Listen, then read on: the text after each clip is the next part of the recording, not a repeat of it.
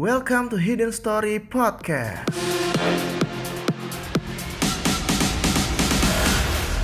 Oke Andri, ini episode perdana ya setelah kemarin kita bikin episode pilot. Iya, iya, benar benar benar benar. Nah sekarang kita mau bahas apa sih Andri hari ini? Kita lagi mau bahas kemarin pada nonton gak sih kayak ada video yang sempat viral tentang perusahaan batu bara. Oke. Lu nonton gak Will? Iya, Sexy Killers ya. Iya bener banget Sexy Killer. Jadi itu ceritanya uh, tentang perusahaan batu bara yang uh, punya dampak buruk dan juga sedikit politisasi ya menurut gue sih kemarin.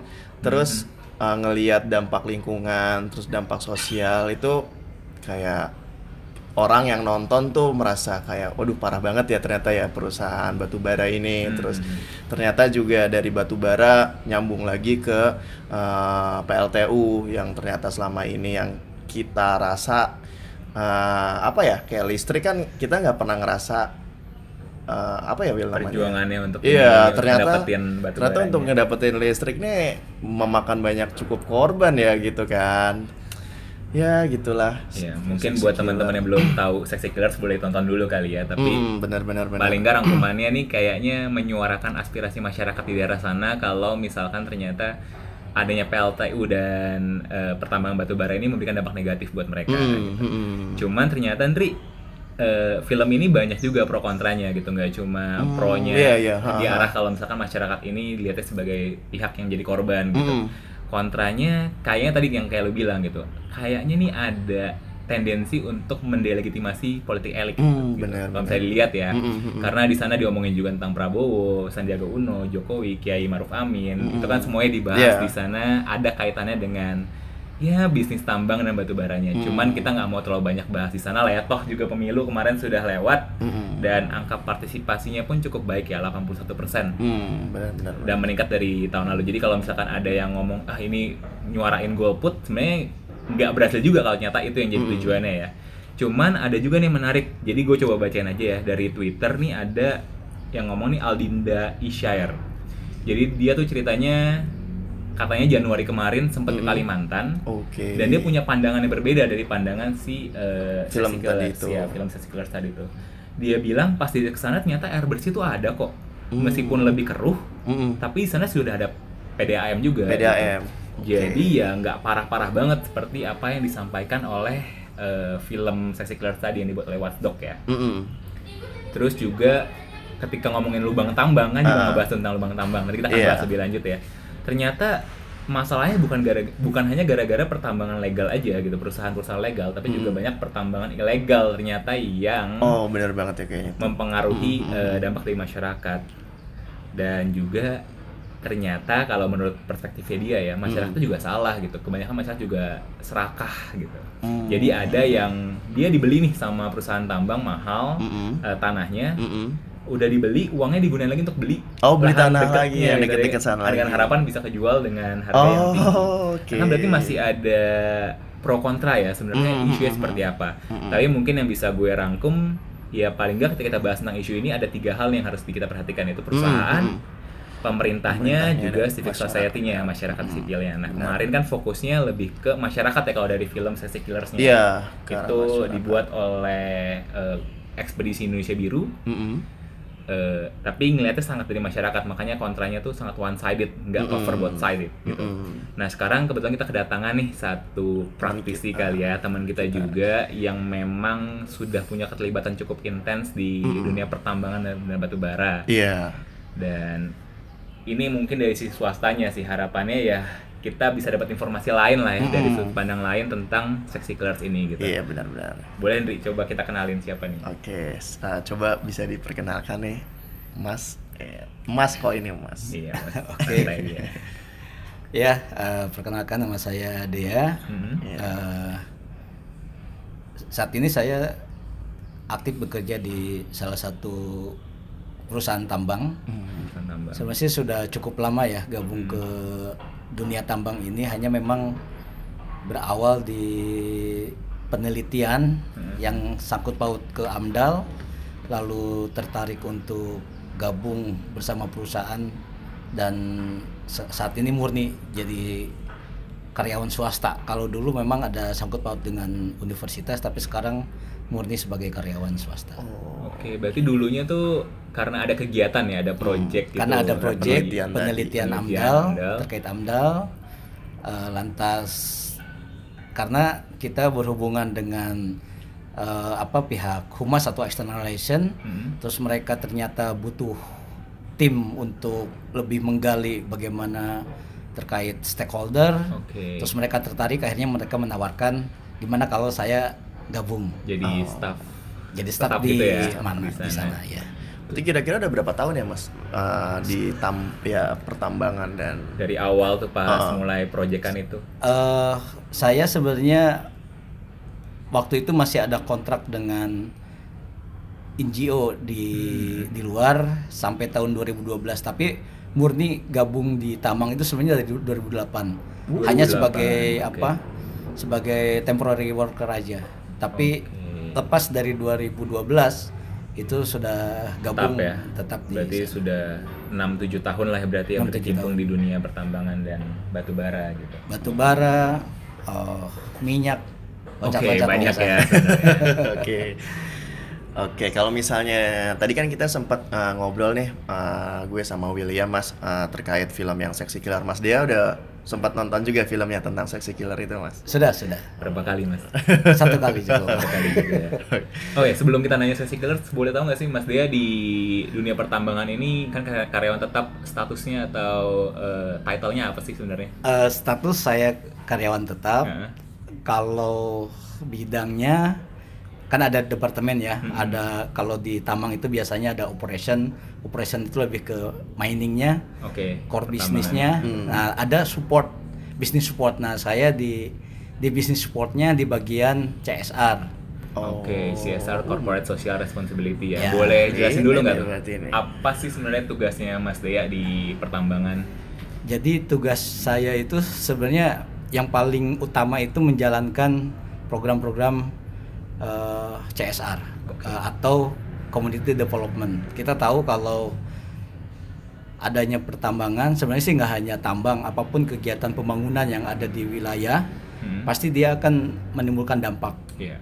Dampak akan merubah dampak eh, apa namanya kehidupan sosial ibarat gini kalau kita bicara sawit misalnya Mhm. ketika sawit dibuka yang tadinya masyarakat misalkan hasil hutan Hmm. nah, otomatis berubah jadi sawit nah otomatis si masyarakat kan udah nggak bisa lagi tuh ke hutan Oke. berarti iya. dia harus beradaptasi dengan beradaptasi yang baru ya. bisa dia tanam sawit juga atau dia bekerja di perusahaan tersebut Oke. kalau di pertambangan yang tadinya masyarakat eh, hasil hutan juga, misalkan dia dapat rotan atau dia cari ikan, Hmm. berburu dan sebagainya.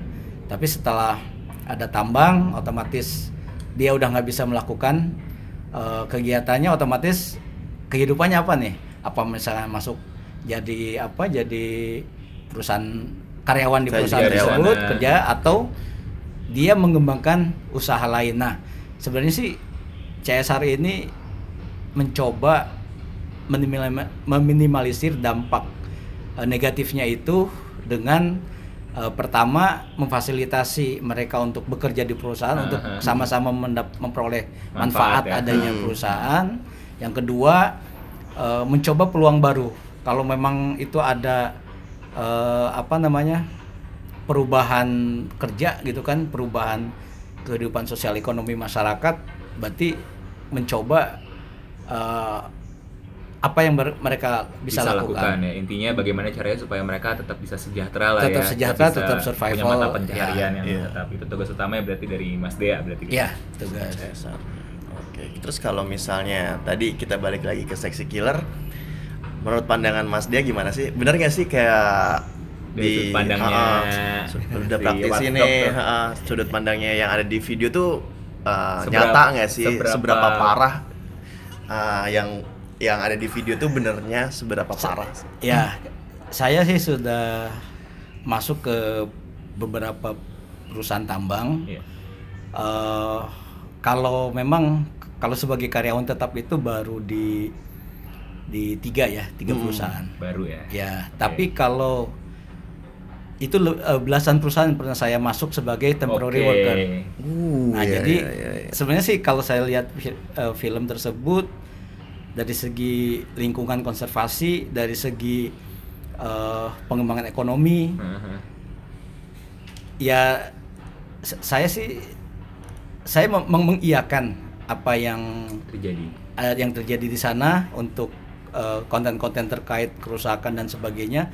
Tapi saya eh, ini juga sih ada ada beberapa yang kontrak juga bah, eh, bahwa ya perusahaan itu memang ada juga dia memperhatikan sisi lainnya, misalkan terhadap air bersih dan sebagainya. Cuma Oh. memang mungkin itu ada ada beberapa kasus aja yang memang eh, apa mencuat sehingga kasusnya itu adalah kalau yang saya tahu gini yang saya tahu kalau lihat lihat apa lihat Sesikil itu jadi memang 2014 ke sana jadi sebelum 2014 Sebelum ya? sebelum Ah. 2014 itu itu banyak banget perusahaan tambang yang kecil-kecil sekalipun itu tumbuh subur lah karena Oke. waktu itu batu bara itu ibarat eh, apa Primadona. Harta In- yang berharga gitu ya. apa namanya tuh emas hitam bahasanya hitam. gitu kan. Hmm. Nah, jadi kalau kita terbang ke sana, eh, saya juga sering baca blog-blog teman-teman yang sering traveler gitu ya. Mhm. Pas lihat di atas itu memang katanya tuh ada borok-borok gitu kan. Borok-borok di Lobang tadi itu lubang-lubang tadi. Oh. Dan ternyata pas waktu itu memang saya sempat tahu juga sebenarnya sih yang lubang-lubang itu banyak yang dimiliki oleh perusahaan-perusahaan yang kecil. Jadi Kecil, dia ya. nggak nggak punya Oke. pengawasan juga rendah dari instansi terkait Mm-mm. Eh, sehingga ketika ketika mereka tidak melakukan kegiatan tambang yang benar Mm-mm. eh, ya udah dibiarkan aja. Toh pada akhirnya perusahaannya tutup juga nggak ada ini juga nggak ada tindakan yang tegas terhadap dari aparat misalnya seperti apa itu nggak ada udah dibiarkan aja. Biarain aja ya. Oh. Jadi- dibiarkan. Nah memang eh, kalau kita melihat ya salah satu solusinya itu pada akhirnya itu kembali ke eh, perusahaan besar jadi perusahaan besar ini punya daya untuk dia mengembalikan lagi Lahan eh, yang lahannya- reklamasi ya. reklamasi itu cuma kalau lihat dari film itu ya ternyata memang nggak nggak semua perusahaan besar pun eh, melakukan praktek eh, pertambangannya dengan baik. gitu. Berarti kan kalau menurut Mas Dea berarti yang ya yang mungkin banyak lebih banyak membuat lubang-lubang itu kan sebenarnya perusahaan-perusahaan Perusahaan kecil, kecil ya. Ka- Kalau saya melihat eh, perusahaan kecil yang dia stop ketika harga batu bara jatuh Turun, banget jatuh. tuh. Jadi 2014 itu udah banyak yang tutup. Oh. Eh 2015 juga masih sama. Heeh. Nah 2015 akhir, nah barulah tumbuh lagi 2016. Nah sekarang 2016, 17, 18 itu harga stabil, makanya banyak batu bara dan ningkatin produksi. Udah gitu harga per awal 2019 itu mulai turun, Turun lagi. Tapi kemungkinan nggak nggak seperti yang dulu 2014. Hmm. Oke, berarti karena ada kejatuhan itu makanya perusahaan-perusahaan kecil akhirnya gulung tikar gitu Gulung kan. tikar dia tidak tidak bisa mengembalikan eh, reklamasi tapi saya melihat memang ya tidak hanya itu sih bisa jadi memang si praktik perusahaannya itu nggak nggak baik juga Oke. jadi dia eh, setelah ambil untung ya udah nggak peduli Nggak ya, peduli lagi, ya. ya. Hmm. Tapi kalau misalnya yang perusahaan besar tuh eh, se apa ya sepengalaman Mas Dea tuh eh, mereka juga melakukan ada nggak sih yang melakukan reklamasi yang melakukan apa ya re- restorasi terhadap lingkungannya Lahan. Iya. lahannya dan lain-lain ada nggak sih Mas? jadi di di tempat saya bekerja itu kan kita diawasi tuh oleh ESDM Oke. Jadi eh, kita harus melaporkan tanah area mana yang dikupas luasan berapa. Mm-mm. Eh, jadi secara reguler kita laporkan. Jadi kita ada laporan triwulan. Jadi Oke. laporan triwulan itu eh, kita melaporkan berapa luas area tanah yang kita kupas. Mhm. Nanti eh, topsoilnya ditaruh di mana dulu untuk nanti cadangan topsoil ketika Ah, reklamasi ketika dilakukan. uangnya. Nah setelah itu nanti dumping areanya di mana, terus nanti eh, apa berapa volume yang kita tarik, OB-nya berapa, overburden itu Hmm. tanah yang selain apa batu bara. Berat. Kalau batu bara bis- eh, bi- biasa disebut coal kan. Mm. Hmm. Coal-nya berapa yang ditarik dari area itu. Hmm. Nah, setelah itu setelah selesai lalu memang ada kewajiban menutup kembali Oke. eh, oleh eh, topsoil itu Hmm. menanam kembali dengan tanaman eh, biasanya sih memang nggak nggak langsung endemik ya maksudnya kayak annual crop dulu biar eh, tertutup dulu Oke. tapi tetap tanaman tawanan langsung ditanam di sana Oh. yang yang endemik ataupun yang memang biar cepet tumbuh dulu lah Yang untuk penting ada penyesuaian dulu gitu ya. Yang Ya. tertutup. Oh. Dan Nah itu jenis tanaman segala macam itu dilaporkan. Jadi memang sudah ada ketentuannya. Selesai ditambang areanya eh, akan diapakan itu sudah ada ketentuan. Sebenarnya sih gini, kalau kita ditambang itu kita lucu kalau ada eh, kolam. Kan, karena gini, karena kalau ada kolam berarti kita nggak bisa ngambil kolnya. Iya. Hmm. Ah, jadi sebenarnya sih kalau ini ini pengamatan saya ya yang ada di perusahaan saya. Jadi si kolam-kolam itu sebenarnya untuk sumber air eh, untuk kita nyiram. Jadi di di apa di di area tambang itu di samping kita ngambil kita apa keluarkan OB-nya, kita pindahkan OB-nya, kita ambil kolnya, kita kirim kolnya. Heeh, heeh. Nah, ketika ada yang tertutup apa, ada yang tergenang, Tergenang. nah si airnya itu kita gunakan untuk penyiraman. Karena jalan kalau berdebu itu potensi bahaya. Iya. Bahkan eh, safety kami bisa menyetop operasional gara-gara jalan yang debu tebal. Oke. Jadi kalau debu tebal stop operasi dan itu rugi kan kalau kita stop operasi karena hitungan unit Hmm. manpower salary kan Operasionalnya tetap keluar tetap- ya. tetap keluar gitu. Oh. Meskipun ya fuelnya berhenti kan, tapi Hmm. re- unit kan hitungan kita tetap Hmm. rental meskipun punya sendiri. Sorry, itu debunya itu bahayanya untuk karyawan yang kerja di sana atau ada dampak lain? Nah sebenarnya sih debu kalau di area tambang itu karena kalau karyawan dibekali masker semua dan Iya, dalam nah. kabin semua rata-rata Hmm, nggak ada oke. yang di eh, jarang lah yang di luar tuh kecuali yang misalkan untuk bagian apa bagian apa jarang lah. Hmm. Hmm. Kalau ketika area tambang itu pasti dalam kabin pengawas pun dalam Kabin. eh, LV dalam Terlindungi lah ya, oh, light istilahnya. vehicle Ha, ha, ya ha. dalam kendaraan. Mm-mm. Terus mereka juga dibekali masker, tapi itu lebih ke jarak pandang. Jadi kalau debu tebal, nanti jarak pandang terbatas itu bisa benturan. Hmm. Apalagi kalau misalkan perusahaan yang tidak dilengkapi oleh radio, Iya. Oke. Eh, Oke. radio HT ya, Ha-ha. radio apa, radio rig. eh, terus kenapa di perusahaan juga harus selalu pakai lampu besar? Hmm. Jadi semua unit harus pakai lampu besar. Perusahaan yang LV, LV itu light vehicle kayak apa double cabin itu. Double kabin ya. eh, kenapa ya harus pakai tiang? Hmm. Harus pakai bagi whip.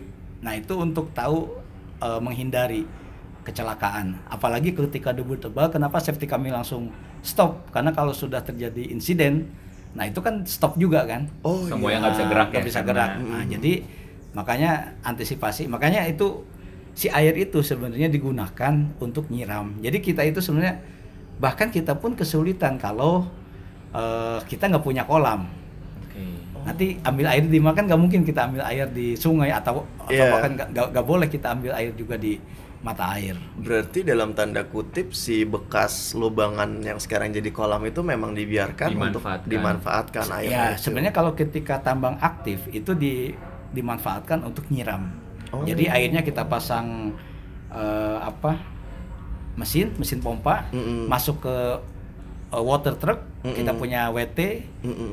Nah, water truck itu yang nanti nyiram. Karena air ini kan dan gini sebenarnya sih air tambang ini kan ada juga nih misalkan eh, antisipasi kalau hujan intensitas tinggi, Mm-mm. air itu ada ada peluang untuk Luber gitu. luber sampai Iya. ke Keluar gitu. keluar. Nah, itu kita ada eh, itu memang orang-orang teknik ya, enviro dan safety itu sangat ketat. Mereka bikin eh, semacam WTP, eh, Apa? Water, Water Treatment Plan. Pelan, ya. Jadi jadi jadi intinya sih pengolahan air. Jadi air dari galian itu dari tambang itu dia sebelum dirilis ke sungai itu dicek dulu seperti halnya kalau kita di perusahaan-perusahaan eh, pabrik-pabrik itu Hmm. kan ada tuh WTP WTP-nya tuh. Hmm. Nah, WTP itu dia memastikan ketika air dirilis ke sungai itu pH-nya harus normal, Oke, nggak ada kontrol-kontrolnya. B3-nya. Hmm. Kan makanya makanya kan ada ada enapan dulu. Iya, benar. Ada ada bahasanya di kita kan ada sedimen pond dan sebagainya lah gitu. Mm-mm. Itu orang-orang yang teknik tuh sa- sangat mengetahui. Eh, kita juga sama kontrol karena ketika misalkan saya di bagian CS itu sama kontrol itu juga. Oke, tugasnya ada juga ya. Ada ya? juga. Hmm. Kenapa? Karena kalau misalkan nanti ada air yang meluap misalnya, Hmm. ada ada in- insiden airnya meluap nanti masuk ke sumber air warga atau masuk ke tempat warga mandi dan sebagainya dan itu terjadi eh, gatal-gatal atau apa, nah itu kan tanggung jawab kita. Oke. Jadi kita pun ketika merilis air itu memang sangat hati-hati. Jangan sampai air itu terbuat sampai dampak negatif dampak ya negatif lain. Dan ya. itu pun kalau ketahuan, wah temuan bahaya juga. Kita Iya. bisa bisa di, di scores bahkan di intinya nanti akan ribet aja. Makanya kita Oke. antisipasi meskipun ada ada apa kita manfaatkan si air itu untuk nyiram, tapi ketika ada potensi misalnya dia masuk ke sungai atau sumber air lainnya, nah kita bikin ada cara-cara ya. WTP itu. Ki- ki- kita eh, apa? Kita stok kayak untuk pem- pemurniannya, pem- penjernihannya kayak kapur segala macam. Hmm. Kita stok juga di tempat kami itu ada biaya untuk itu. gitu. Jadi sebenarnya ada safety prosedur yang sudah Ada safety sudah, procedure sudah yang dilakukan ya. yang dilakukan. Nah, baik lagi ini kan ke- masalahnya di lubang ini kan kalau di safety killer eh di eh, Seksi. seksi killer kan ngomongin tentang eh, lubang ini anak-anak yang bermain di sekitar sana Iya. terus Iya. tiba-tiba harus jat- eh, jatuh gitu Ah, akhirnya iya. menimbulkan korban gitu. Sebenarnya lubangnya itu sebesar apa sih dan dan seberapa dekat sih lubang itu dengan pemukiman warga gitu? Nah, itu itu kejadian itu di Balikpapan. Oke. Itu saya sempat dengar itu tahun 2016. Hmm.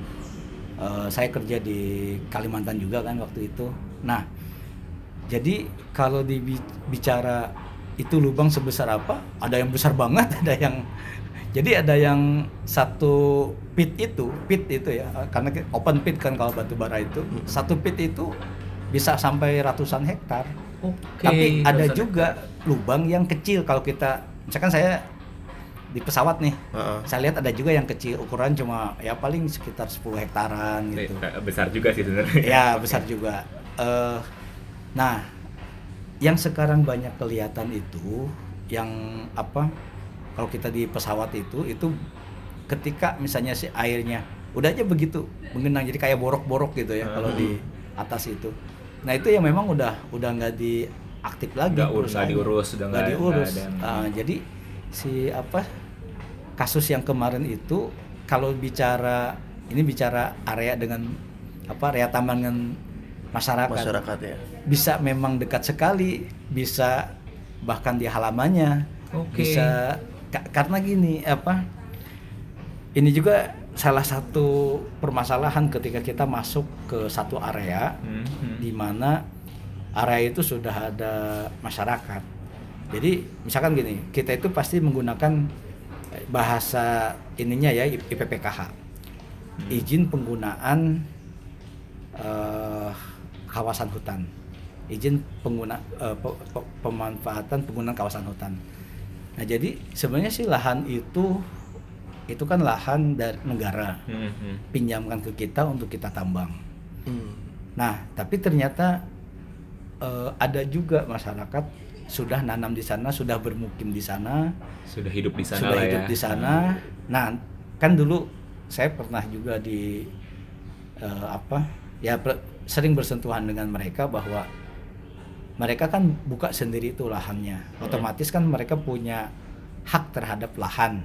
Saya juga eh, lupa lagi ya terkait aturan-aturannya memang ada aturan juga ketika misalnya dia sudah buka lahan, dia udah garap lahan dalam jangka sekian tahun, dia bisa ajukan lahan itu menjadi miliknya. Oke. Hmm. Nah, itu itu kasus itu sehingga ketika perusahaan masuk, otomatis perusahaan harus ada pembebasan lahan. Hmm. Meskipun lahan misalkan IPPKH itu Hmm. lahan negara, misalnya lahan hutan. Tap- eh, tapi perusahaan memang harus setidaknya ganti tanam tumbuhnya ya. yang ada di atas tanahnya itu. Nah, ada juga bisa jadi ya, bisa jadi ketika memang area perusahaan belum menjangkau ke halaman rumahnya, sehingga dia nambang dulu deh di sini, otomatis kan berarti dekat tuh jaraknya dengan rumahnya. dekat ya. Sangat. Memang seharusnya masyarakat nggak ada di sana, seharusnya Idealnya. idealnya he- memang harusnya aja. tapi sama hanya dengan gini juga sih kalau saya lihat dulu kosong banget misalnya ini nggak nggak ada sama sekali kehidupan Hmm. ketika perusahaan ada di sana orang mulai buka warung Oh Oke, iya. karena memang semakin hidup ya Kayak lingkungannya. ibarat ada gula ada semut kan Iya. jadi ketika ada masyarakat ada apa ada karyawan perusahaan berarti kan potensi untuk Pemasukan buat dirinya pemasukan, ya. misalkan jual sembako ha. rokok dan sebagainya kan nah jadi ini ini saya, saya juga salah satu eh, bagian dari kerja saya juga jadi Oke. ketika kita bicara dampak negatif ada juga memang dampak positif nah dampak positif ini kalau nggak kita kelola dengan baik juga itu jadi potensi konflik Hmm. meskipun konfliknya itu di antara mereka Warga ya. ya nah jadi eh, ada juga kasusnya seperti itu memang sih eh, sebagian besar memang eh, apa perusahaan tambang yang saya datangi itu memang kasusnya itu lebih banyak yang eh, masyarakat ada dulu di sana baru tambang masuk. Tambang masuk, jadi Ya. harus menyesuaikan Harus terhadap kondisi yang menyesuaikan. ada ya. Jarang ada yang perusahaan dulu di sana baru masyarakat masuk. Tapi kebanyakan tuh pasti ada selalu ada masyarakat, Masyarakat. karena dulu tuh sama yang disampaikan oleh film itu bahwa dulunya transmigrasi kan Hmm, mereka Transmigrasi ya. ha. Nah, itu itu juga kita jadi jadi apa memang harus kita review juga. Jadi kebijakan area transmigrasi ini juga kasus ini banyak di mana-mana. Gak hanya di film itu, di tempat lain pun sama ketika satu sisi pengembangan daerah itu akan diarahkan ke agrobisnis misalnya. Iya. Tapi satu sisi untuk ditambang pada akhirnya. Ya sama, kita kasus misalkan Kertajati. Mm-mm. Kertajati yang kita bikin di Bandara. Jawa Barat bandara, Bandara. itu kan itu untuk tebu pengembangan Hmm. eh, tebu Mm-mm. satu sisi pengembangan oh sawah padi Ah. sawah kan lumbung padi nasional salah Iya. satu daerahnya nah jadi hal seperti ada itu ada jadi konflik kepentingan juga di sana ya. eh, kalau kita itu faktanya lah kita harus akui sekarang eh, ketika kebijakan awal dulu misalkan ini area pertanian lalu ketika lihat potensi orang geologi bilang ini bagus nih batu bara otomatis kan Dipakai, Dipakai. Di- Wah. otomatis pasti di- dimaksimalkan ya. dimaksimalkan Oke, tapi sebenarnya ada peraturan nggak sih kalau misalnya tadi kan harus reklamasi gitu ya? At- aturannya mengikat nggak sih kalau misalkan eh, suatu perusahaan sudah ngebom gitu ya, sudah udah udah menggunakan lahannya, tapi nggak ngelakuin reklamasi itu ada aturan yang ketat nggak sih Iya, dari, sanksi dari pemerintah? sebenarnya aturannya ada itu eh, undang-undangnya jelas sebenarnya cuma memang supremasinya itu yang masih lemah jadi eh, ini dilematis Hmm. satu sisi tentu pemerintah ingin eh, semua pihak swasta itu melaksanakan eh, operasinya dengan baik dengan benar dan bertanggung jawab kan eh, ketika misalnya ada pelanggaran tentu eh, mekanisme berjalan ada Hmm. misalkan ada apa eh, teguran ada surat peringatan tapi ketika misalnya masuk ke poin sampai dicabut izin gitu Mm-mm. kan saya sih melihat eh, meskipun dicabut mungkin sementara supaya Oke. dilakukan perbaikan karena satu sisi negara juga butuh mitra kan untuk pendapatan negara juga Hmm. kan Oh, jadi eh itu yang sampai sekarang saya saya belum atau mungkin saya terbatas mungkin pengetahuannya saya belum pernah sih ketika ada perusahaan ini benar-benar sampai ya? perusahaan itu dihentikan benar-benar Belum ada. di- Tutup gitu nggak ada tutup ya? nggak ada kalau kita bicara banyak perusahaan-perusahaan besar juga dan ya perusahaan berplat merah juga gitu kan mm-mm. ketika mereka di demo wah Hmm. sampai ribut sampai akhirnya pemerintah membekukan area itu tapi akhirnya Dibuka dibuka kembali. kembali jadi seperti itulah jadi saya melihat juga eh, tadi saya sepakat bahwa memang seksi killer baru sebatas dari masyarakat. eh dia dia nggak nggak melihat juga bahwa ketika ini ini contoh kasus ya eh Kalsel Banjarmasin Hmm. ketika 2014 banyak yang tutup tuh perusahaan bertambang. Mm. 2015 kita main ke Banjarmasin itu saya bicara dengan driver-driver yang nganter dari bandara itu kan mereka ngeluh. Biasa mereka dapat 2 juta per hari, ini dapat 400 ribu aja susahnya Syukur setengah ya. mati. Oh. ya. Jadi memang itu dampak ketika perusahaan hilang di satu area. Hmm. Eh, sama halnya dengan masyarakat. Masyarakat juga ketika ada perusahaan mereka eh, terang malam kan karena mungkin ada bantuan listrik dan sebagainya. Eh, ketika perusahaan hilang gelap gulita lagi. Tapi Oke. itu itu kalau buat saya itu jadi jadi ini ya. Jadi ya memang eh, jadi apa? Jadi titik di mana kita kalau memberikan program itu jangan seperti itu. Jadi harus yang bisa berkelanjutan. Ada tidaknya perusahaan tetap masyarakat Kehidupan masyarakat harus baik ya. harus baik. Jadi eh, ini, ini juga salah satu konsep dari ke- keberlanjutan itu.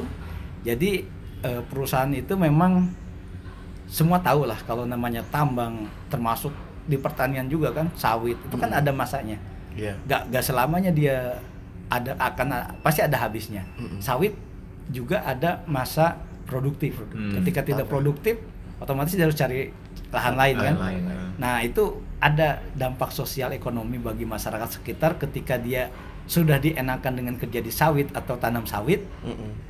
Misalkan petani sendiri atau misalkan tambang batu bara sudah enak kerja di tambang batu bara terima gaji tiap bulan Tiba-tiba stop. tiba-tiba stop dulunya dia bisa tani bisa ke ladang Mm-mm. karena dia udah eh, Pindah. pindah. Udah nggak ada tempat ya. nah kayak kayak gitu juga salah satu PR Oh, Oke. Berarti memang sebenarnya pun kita juga nggak bisa menampik bahwa perusahaan tersebut juga ngasih hal yang positif gitu kan terhadap masyarakat sekitar. ya ngasih hal yang positif intinya kan gini eh, kalau saya saya sering ini juga sering bertanya-tanya juga kan di dalam diri saya tuh eh ketika kita melihat sisi negatifnya Mm-mm.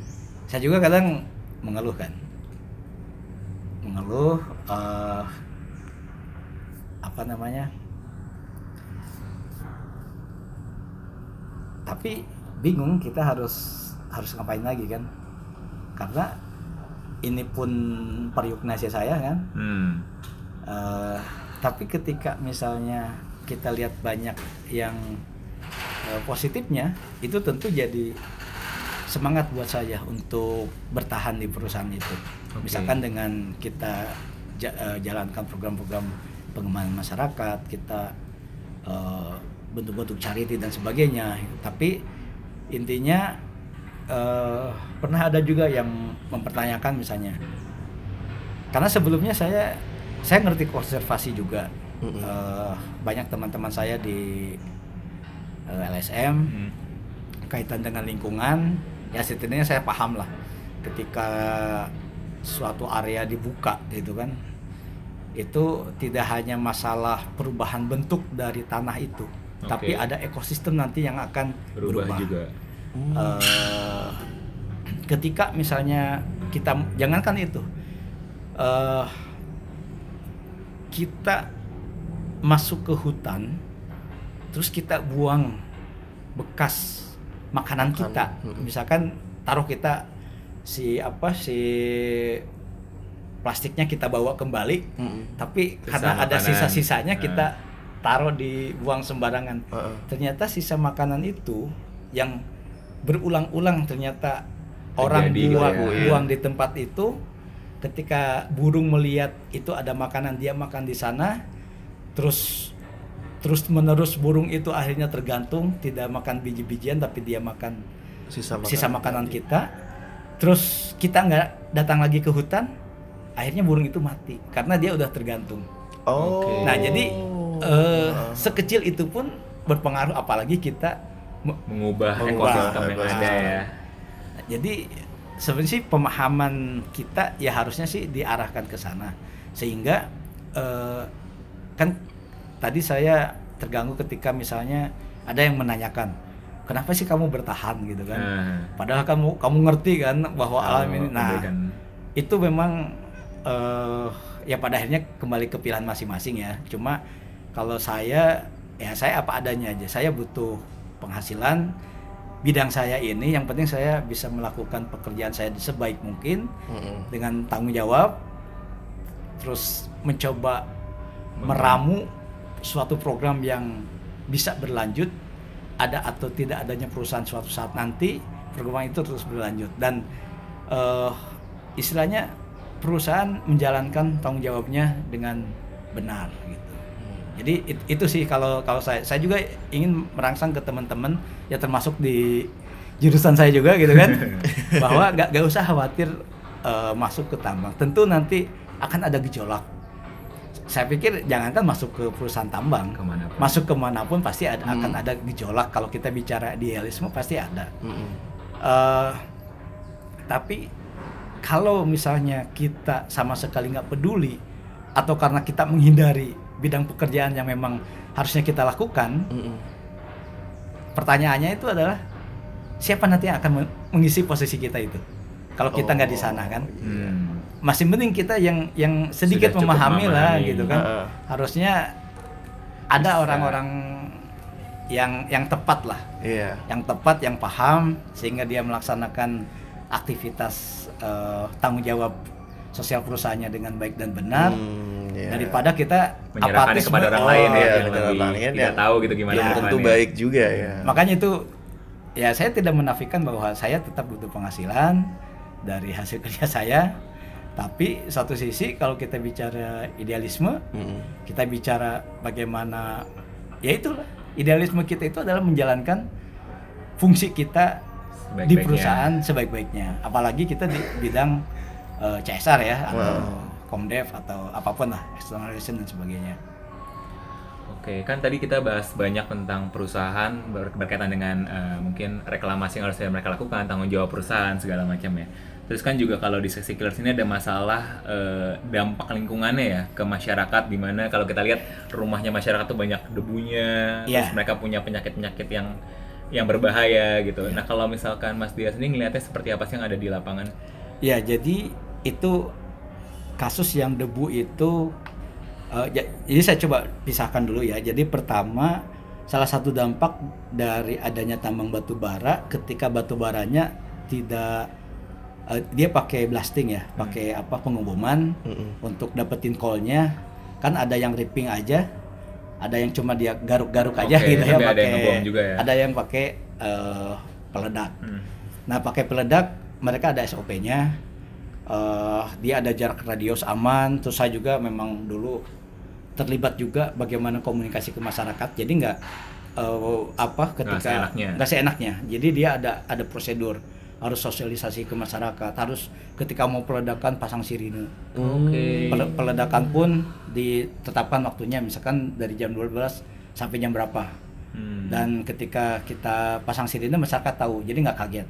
Hmm. Eh, terus ada pem- eh, pemutus rambatan dari getaran eh, Peredam lah ya, Peredam. peredam getaran gitu. ada seperti itulah ada ada memang SOP-nya terus kalaupun eh, terus kita juga ukur jadi kita ukur di rumah warga Hmm. getarannya seperti apa ada nggak properti rumah ataupun Yang yang, rusak. lainnya yang rusak Oh. nah itu pun jadi jadi tanggung jawab perusahaan Oke. jadi saya pernah eh, waktu itu bukan di batubara di PLTU. Jadi ketika kita lakukan peeling, peeling tuh tancap paku bumi ya. Mm-mm. Heeh. Kan itu bergetar tuh sampai retak-retak. Nah, itu kita foto, kita serahkan ke manajemen diganti. Oh. Jadi Oh. ada ganti rugi terhadap buat per- perbaikan itu. perbaikan. Jadi ada ada tanggung jawab. Intinya sih nah, itulah intinya harus ada orang yang tepat saya bilang untuk eh, menyuarakan itu ke manajemen. Ya kalau misalkan kita karena kita bawahan gitu kan, meskipun kita departemen community eh, relation misalkan ataupun external relation gitu kan, karena kita bawahan terus kita takut sama bos kita gitu kan sehingga kita diamkan kita suruh masyarakat diam gitu kan kan kasihan. Ya mending kita, kita infokan. Jadi eh, kalau saya prinsipnya ketika ada gangguan kita laporkan datanya ada.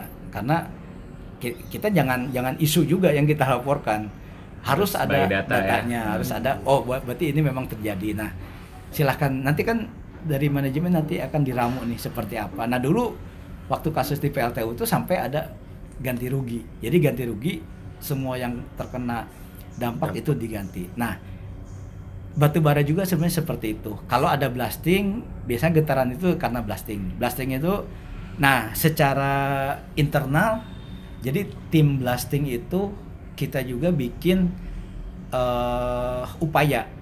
Ada dulu bahasanya slip blast. Slip blast itu eh, peledakan, jadi kita tanam dulu, besoknya baru diledakin. Oke. Dengan kita jaga. Jadi ketika mau peledakan tuh nggak buru-buru. Jadi harus aman harus steril aman gitu ya dan errornya itu lebih rendah itu slip blast ada juga yang dia eh, pakai jeda waktu jadi Hmm. eh, nggak langsung dalam satu detik meledak semuanya enggak jadi dia ada kayak tembakan tek tek tek tek tek Berkala. berkala. Nah, jadi itu untuk mengurangi getaran sebenarnya internal itu lakukan upaya-upaya eh, kalaupun nanti tetap ada dampak perusahaan harus tanggung jawab ganti rugi ganti segala rugi. macam ya Nah, sekarang bicara debu ya. Hmm. Nah, debu itu kalau di film itu kan PLTU. iya Mm-mm. Kalau debu di tambang sebenarnya sih sangat ini ya karena kalau misalkan jalur hauling itu otomatis kiri kanan tuh harusnya ya udah steril dari rumah. Wah. Pasti dibebaskan. Pasti Oh, iya, pasti iya. supaya jangan sampai sampai bahaya gitu ya Hmm. Ya karena de- memang ada yang tadi saya bilang bahwa kita rutin penyiraman, tapi kan namanya ini tetap miss lah. Kalau bicara apa kayak kayak di film itu misalkan pengaruh dari debu ke tanaman memang harus dibuktikan juga eh, dengan penelitian yang komprehensif Kebenarannya gitu. ya. Mm. Cuma ya kita bicara logika lah. Ketika debu menutup stomata kan terganggu pasti. Pasti. Nah, Iya. Nah, ki- nah jadi saya bicara ter- terkait apa PLTU. Jadi Cinmay itu eh, cerobong itu itu kan mengeluarkan Asap. asap eh, dan asap dan tidak hanya itu potensinya itu bukan hanya dari nggak hanya dari cerobong Hmm. tapi dari kolam eh, limbah dari Pembuangan. abu Hmm. batu bara Hmm. itu ada play ash ada bottom ash nah apa jadi tuh sorry jadi eh fly ash itu dia debu, debu partikelnya sangat, sangat kecil. Makanya di, di- disebutnya tuh dust gitu kan. Fine dash, fine dash itu Ya, biasanya. Oh. jadi ba- kita nggak nggak nggak akan sadar kalau kita ngisep. Iya. Ha. Nah si sebenarnya si si apa limbah itu bisa kita pakai untuk eh, bahan baku semen, bahan campuran. Kalau kita ke ada produk ya di toko toko bangunan Toko itu bangunan, yang kalau kita punya retakan retakannya itu kayak rambut gitu kan, ah, ah. pakai produk itu bisa tertutup. Tertutup. Oh, Nah, oh. itu sebenarnya itu pakai limbah itu pakai itu. Oh. Jadi di- dia campuran. Nah, jadi kalau ketika menentukan Cinmay, menentukan kolam eh, limbah, Limbah itu, tadi, ya. itu sebenarnya secara teknis itu di, dihitung. Jadi nanti anginnya itu seperti apa, eh, tipenya itu, eh, trennya itu seperti apa, arahnya ke mana, Mm-mm. Sampai disesuaikan supaya ti- tidak masuk ke warga. harusnya Ya, ini, itu secara teknis ya. Idealnya. idealnya. Nah, cuma kan ya namanya iklim kan, ada anomali dan sebagainya kan. Ketika misalnya itu ke warga, ya harusnya si perusahaan itu harus tanggung jawab. Mm. Ketika misalnya apalagi kalau di film itu kan terbukti tuh Banyak ini banget ini di, disapu nih. Nah, Iya. bahkan ada salah satu yang memang dia kumpulkan disimpan ya Ah. dalam toples Sebenarnya sih dengan dia kumpulkan terus dia rekam itu serahkan ke Perusahaan. perusahaan harusnya itu perusahaan ganti rugi atau ada ya ya ada kompensasi lah harusnya Hmm. atau, atau sebenarnya ketika itu terlalu dekat kan kita ada hitungan dari apa dari teknis itu eh ketika kecepatan angin sekian nah si abunya itu akan nyampe di mana berapa kilometer Ya, gitu ya. ada ada radius. Jadi Ah. harusnya kalau misalkan ter- ternyata sangat dekat misalkan ada 200, ada yang 400, terus nyampainya di sana, berarti harusnya itu dibebaskan, harusnya. harusnya lahannya dibebaskan Lahannya jangan ada dibebaskan. warga di sana Jangan ada warga. Di direlokasi lah mau tukar guling atau apa. Kami pernah saya pernah lakukan itu. Saya pernah negosiasikan dengan tim supaya memindahkan satu, satu atau dua RT, satu RT. oke.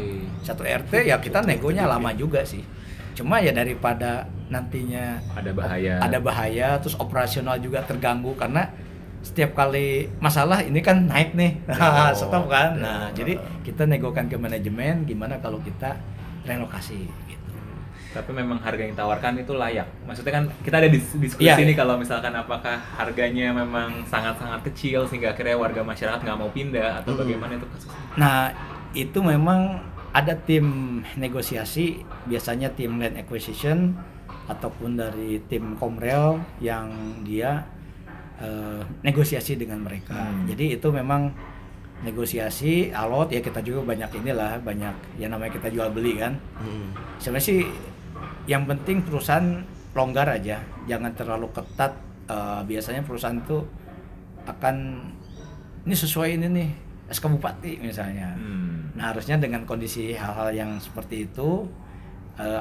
longgar lah misalnya ada ya. ada inilah ada toleransi terkait daripada nantinya tiap hari di stop, Stop, sekian stop, jam stop ah, lebih rugi lebih rugi. Nah, ya. yang diru- yang dirugikan itu bukan hanya perusahaan.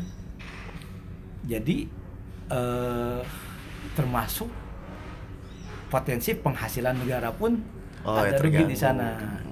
Jadi, nah saya dulu sempet eh, iseng-iseng ya di medsos. Dulu kan gak selalu rame sekarang. mungkin kalau dulu iya, kalau sekarang saya lakukan mungkin saya udah di Dikenal ya sama masa. Bukan dikenal apa namanya digugat juga Oke. oleh salah satu LSM. Nah jadi saya dulu punya kritik karena memang saya dulu di PLTU, terus dulu itu saya ya inilah kita adu argumen Mm-mm. dengan salah satu LSM. Ternyata, nah saya cuma nanya gitu ke LSM ya selama kalian ngantor di Rasuna Said dengan itu kan dari PLTU juga saya bilang harusnya harusnya jangan pakai listrik lah kalau kita tapi itu, itu iseng-iseng aja dulu Ya, karena mau bagaimanapun ya kebutuhan akan listrik itu kebutuhan yang sudah primer Primer, ya buat ya. kita juga nggak bisa nggak bisa dihindari dan dan dan PLTU ya memang PLTU itu ada teknologi Jepang, teknologi Amerika, Mhm. ada teknologi Cina. Nah di Indonesia tiga-tiganya ada. oke padahal sudah sudah ini ya mengakomodir semua. Ya tiga-tiganya ada, eh, baik buruknya ada juga. Tapi ya memang semua ya PLTU itu memang yang paling murah daripada kita Gas.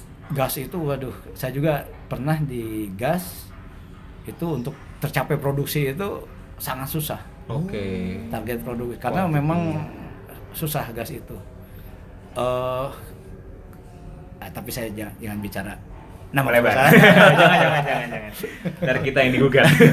Tapi kalau misalnya yang tadi ada permasalahan ke masyarakat gitu mas, eh, sebenarnya alurnya itu masyarakat tuh sebenarnya ke manajemennya ke bagian apa sih mas? Ataukah selama ini sebenarnya masyarakat tuh cuma lapor ke siapa, salah ini jadinya Karena dipendam? nggak tahu ya. Heeh. ya se- sebenarnya sih gini di di perusahaan itu ada namanya eh, Comdep officer eh, CDO gitu atau ada humas gitu kan atau Mm-mm. ada itu bisa lapor langsung ke sana Mm-mm.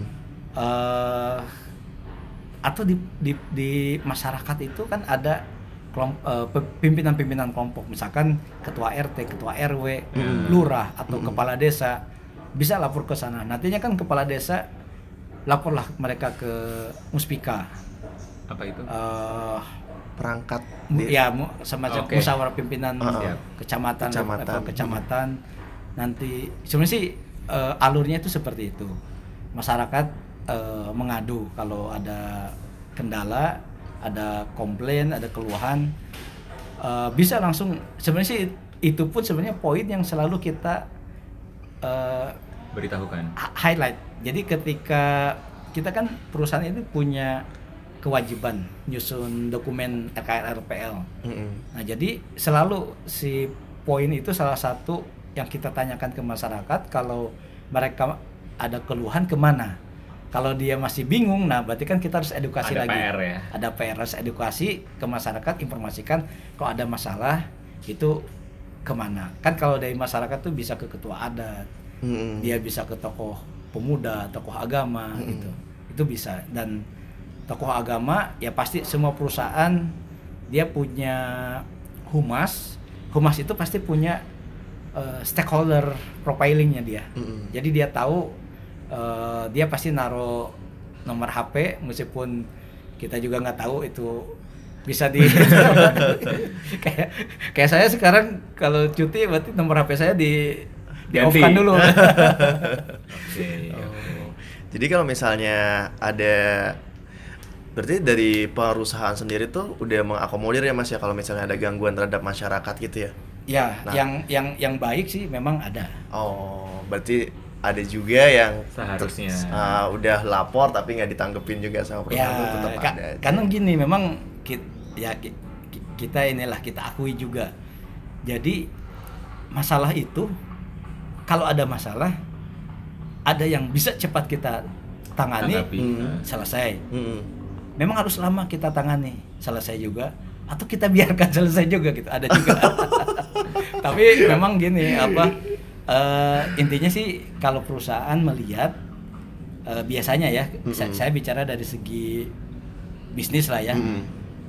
Eh, kita melihat tipe urgensinya. Jadi kalau ini memang benar-benar Urgent banget. urgent, nah, langsung kita tanggapi. Tapi kalau ini cuma apa ya kabar angin, Heeh. biasanya kita lebih ke monitor aja. Oh. Oke, oke. Tapi bukan bukan bukan ini nggak ditanggapi ya. ya. Iya, heeh, heeh. Tetap monitor, keluhannya tetap ki- kita ini. Kan kan ada juga gini, ada juga dia mengeluh tapi kepentingan pribadi.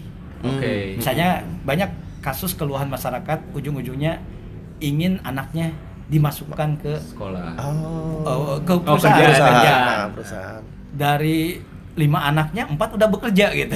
Nah kita kasih kesempatan ke yang lain. Dia nggak mau lima limanya ingin Oh. bekerja oke. misalnya. Nah jadi dia bikin isu apa. Ta- makanya kadang kalau saya memang tapi tetap semua isu kita tampung kita cross check. Hmm. Jadi memang kita nggak nggak bisa langsung telan mentah-mentah, apalagi kecuali memang isu-isu dari orang-orang stakeholder ya, dari Hmm. orang-orang memang Hmm. yang penting pasti kita tanggapi. Oh. Tapi ya me- memang itu kembali juga ada juga eh, tergantung perusahaannya juga. Hmm. Ada juga yang berarti. eh, udah biarkan aja gitu. Oh. Oke. Nah, mungkin pertanyaan terakhir kali ya. Tadi kan berarti tugasnya Mas Dia ini kan CSR ya. Tanggung jawabnya adalah bagaimana caranya masyarakat ini bisa hidup secara lebih sejahtera ketika ada eh, perusahaan ada di Aktivitas sana. perusahaan. Dan kalaupun nanti perusahaan sudah pindah tempat, bagaimana caranya masyarakatnya juga bisa tetap menikmati apa yang sebelum bisa dinikmati dan bisa berkelanjutan gitu. Nah, apa sih cara yang dilakukan oleh Mas Dea dan tim untuk memastikan kalau hal itu akan terjadi ketika once mungkin perusahaan akan stop atau pindah ke tempat lain? Jadi eh, pertama kita harus gali potensi mereka dulu. Jadi kita ada bicara social mapping. Hmm. Jadi dari dokumen social mapping yang dilakukan secara benar gitu kan, nggak nggak cuma asal aja. Eh, kadang perusahaan cuma untuk dapetin proper kita bikin social mapping asal-asalan Iya. ada juga. Hmm. Nah cuma kita memang butuh yang benar untuk bikin dokumen social mapping. Jadi kita tahu potensinya seperti apa, kita tahu juga apa eh, stakeholder seperti apa, ekspektasinya seperti apa. Nah dari social mapping itu kita harus memang merencanakan program yang sifatnya memang jangka panjang. Jadi eh, kita kalau di tempat saya sendiri kita udah bikin master plan. Untuk lima tahun ke depan itu kita ngapain dulu nih? Secara untuk misalkan kita di pendidikan ingin SD kita ini standar nasional. Oke. karena ketika kita lihat eh, ya memang kualitas dari SD ini sekarang level kecamatan udah bagus gitu. Tapi ketika kita bandingkan dengan kabupaten Daerah lain, lain gitu ya. nah itu masih kurang. Makanya kita ingin SD standar nasional. Nah untuk standar nasional itu apa yang harus kita lakukan? Nah itu kita ada program eh, tahunan yang memang me- menuju ke sana. Jadi dan program ini kita harus pastikan juga nggak bisa nanti ketika kita selesai misalnya apakah ini akan selesai juga? Nah kita coba mitra. Jadi mitra itu Hmm. kita bentuk kayak kesepakatan kerjasama bahwa program ini akan terus berlanjut misalkan bla bla bla nah, ten- tentu itu juga harus melibatkan pe- pelaksananya misalkan dari pihak sekolah kepala sekolah guru-guru Mm-mm. Nah, jadi yang yang kita bina juga di sana bukan hanya kita cuma ngasih misalnya apa oh apalah gitu kan Hmm. uang atau barang gitu, tapi kita ngasih metode. Metode. Jadi ketika kita hengkang pun mereka bisa Mandiri. mel- melanjutkan, bisa mandiri. Nah, begitu juga kalau kita bicara pengembangan ekonomi. Kalau kita cuma kasih kail, mereka nggak ngerti cara pakainya, percuma. Mm-mm. Apalagi kasih ikan gitu kan. Hmm. Nah, kalau kita perusahaan, kita lihat kebutuhan mereka itu apa. Memang ketika mereka memang butuh ikan, kita kasih ikan dulu gitu. Samping kita siapkan biar mereka bisa Ada mancing kolam sendiri. lain Nah, gitu ya yang, yang bisa Hmm. mereka Ya, iniin. Ya seperti itu. Jadi ki- ki- kita galai dari potensi, misalkan potensinya kalau di tempat saya sekarang itu potensinya pertanian, Mm-mm. itu kelapa untuk kopra, eh cengkeh, juga apa produk-produk sayuran. Nah itu yang kita kembangkan. Itu Hmm. kita kembangkan. Cuma ya itu tadi kita ada bahasanya itu ada masa terminasi. Sebenarnya sih ya, seperti yang udah kita ini ya kita pelajari kita pelajari. Jadi memang ter- terminasi itu memang eh, tahapan yang yang pas itu ketika kita mau lepas biar mereka mandiri. berdaya ya. Jadi terminasi nanti kita coba eh, ke- kita coba cek juga setelah berapa lama berjalan ap- Mm-mm. apa mereka masih beri atau enggak kalau ada kendala di mana. Itu sih kalau saya pikir Oke. eh, intinya untuk keberlanjutan ya bikin program yang benar-benar sesuai dengan mereka. Mm. Jangan mengandang-andang ada cuma untuk popularitas perusahaan itu nggak baik juga. Hmm. Kalau perusahaan tetap butuh untuk pengungkapan, untuk ekspos setiap kegiatan, itu Mm-mm. perusahaan harus laporan-laporan ya. laporan, terus ya perusahaan juga kan butuh persepsi dari masyarakat, butuh Hmm. trust dari masyarakat. Karena tanpa trust itu kita bi- bicara program itu nggak Nggak akan bisa, jalan ya? nggak akan jalan. Mm. Jadi ya itu tetap gitu kan untuk populernya tetap dapat, tapi kita harus bikin eh, seperti tadi sosial dari social mapping itu dari itu kan banyak tuh analisisnya pakai Mm. apalah macam-macam terus kita harus tentukan juga master plan-nya seperti apa Oke. lalu program tahunannya itu jelas Sampai akhirnya bisa dilepas ya terminasi tadi ya. ya Oke, ini ada pertanyaan lain kan? Oke. Gue rasa cukup kali ya. Cukup kali ya. Mungkin kalau misalnya bisa disimpulin sebenarnya pemerintah udah punya payung hukumnya sebenarnya ya. Aturan-aturannya pun sudah cukup jelas Udah cukup. sebenarnya. ada cuma Permasalahan apakah Ya. itu Tegas nantinya. tidaknya. Nah, dan juga sebenarnya perusahaan pun ya mungkin ini perusahaannya Mas Dea ya sebenarnya sudah cukup menerapkan. Tapi Mm-mm. mungkin ya kalau menurut gua mungkin ada oknum-oknum lah ya nggak bisa kita bilang semua perusahaan seperti Mm. itu. Tapi mungkin ada oknum-oknum yang ya memang harus ada tindak lanjutnya terkait Mm. dengan hal tersebut. Mm-mm. Ya, menarik banget ya pembicaraan Menarik, menarik. hari ini dan juga Karena ngebuka Dea. wawasan baru kan apalagi tadi terkait yang lubang ternyata memang dibutuhkan juga kan ternyata oleh perusahaan Ya, mungkin tapi ya apa yang dikatakan oleh Mas Dia juga sebenarnya bukan kebenaran objektif ya, karena kan ini Ya. dari sudut pandangnya Mm-mm. mungkin dari sudut pandangnya praktisi, kemarin juga dari sudut pandangnya masyarakat. Mm-mm. Ya, harapan kita sih kita bisa ngeliatnya dari helikopter view lah ya, kita ngeliatnya dari berbagai sudut pandang, Iya. nggak ngejudge cuma Satu satu-satu sisi. pihak aja, Mm-mm. tapi ya ini biarlah jadi PR kita bersama lah ya, gimana caranya kita bisa membangun ini menjadi lebih baik. Buat Mas Dea, thank you Terima banget kasih nih udah, udah datang. ngobrol. Sebenarnya masih banyak banget sih hal yang pengen gue tahu tentang CSR segala macam. Mungkin next time Iya. kita bisa ngobrol tentang hal-hal lainnya selain dari tambang dan batu baranya. Oke Oke, sukses Mas Dea ke Ah, terima kasih udah sharing. Kita udahan Untuk di sini kali tutup. ya, udah Ya. hampir satu jam. Oke, see you next episode. Bye.